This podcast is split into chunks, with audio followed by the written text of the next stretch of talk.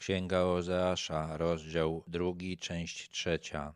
Dlatego teraz ja zwabię ją i zaprowadzę na pustynię i przemówię do jej serca i dam jej tam winnicę, a z doliny Achor uczynię bramę nadziei i słuchać mnie tam będzie jak w dniach młodości i jak w dzień swojego wyjścia z ziemi egipskiej. To proroctwo, które tutaj Ozeasz zapisał, jeszcze się nie wypełniło. Zapowiada jakieś niezwykłe pojednanie między Bogiem a jego ludem, które ma nastąpić w dolinie Achor. W tej dolinie został ukamienowany Achan, który był winny klęski Izraelitów pod Ai. Jest to opisane w siódmym rozdziale Księgi Jozłego. W piętnastym rozdziale Księgi Jozłego jest podane położenie tej doliny, ale nie udało się na podstawie tego opisu jednoznacznie ustalić, gdzie ona się znajduje. Nazwa Achor znaczy klątwa albo niedola.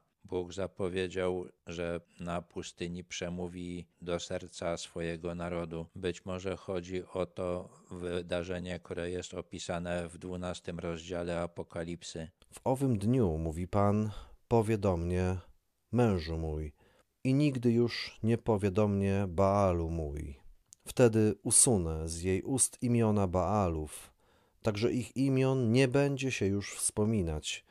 To wydarzenie w Dolinie Achor będzie przełomowe. Izrael zwróci się do Boga całym sercem, tak jak on tego chce. Ozeasz zapowiada, że od tego momentu Żydzi nie popadną już w żadne odstępstwo. W owym dniu ustanowię dla niej przymierze ze zwierzętami polnymi i ptactwem niebieskim i płazami ziemi, a łuk i miecz i wojnę zniosę z ziemi i sprawię, że będzie mieszkać bezpiecznie. To, co tutaj Ozeasz zapowiada, pokrywa się z proroctwami Izajasza o tym, że nadejdzie taki czas, że nie będzie się na ziemi prowadzić wojen, a przyroda stanie się przyjazna człowiekowi, a Izrael będzie bezpieczny. I zaręczę cię z sobą na wieki. Zaręczę cię z sobą na zasadzie sprawiedliwości i prawa, miłości i zmiłowania. I zaręczę cię z sobą na zasadzie wierności i poznasz Pana.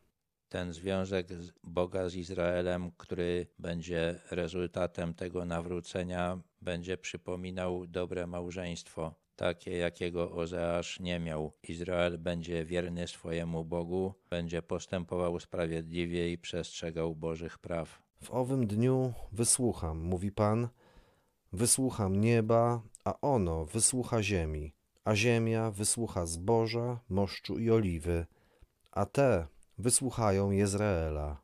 W tysiącletnim królestwie Boży ludzie, którzy zmarli, powrócą z nieba na ziemię i będą żyli razem z tymi, którzy pozostają jeszcze w starych ciałach. Bóg będzie się kontaktował z jednymi i z drugimi.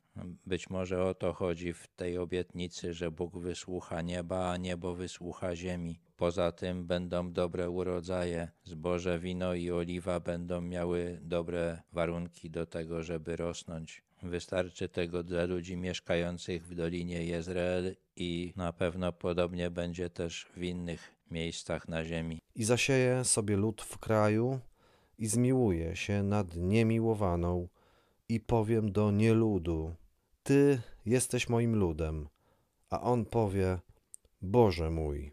Dopiero wtedy to oddzielenie Izraela od Boga, które Ozeasz starał się widocznić swoim rodakom, nadając swoim dzieciom tak dziwne imiona, skończy się. Wtedy dopiero Bóg będzie naprawdę Bogiem Izraela, a Izrael będzie naprawdę ludem Bożym. Wszyscy Żydzi będą naprawdę chcieli żyć z Bogiem.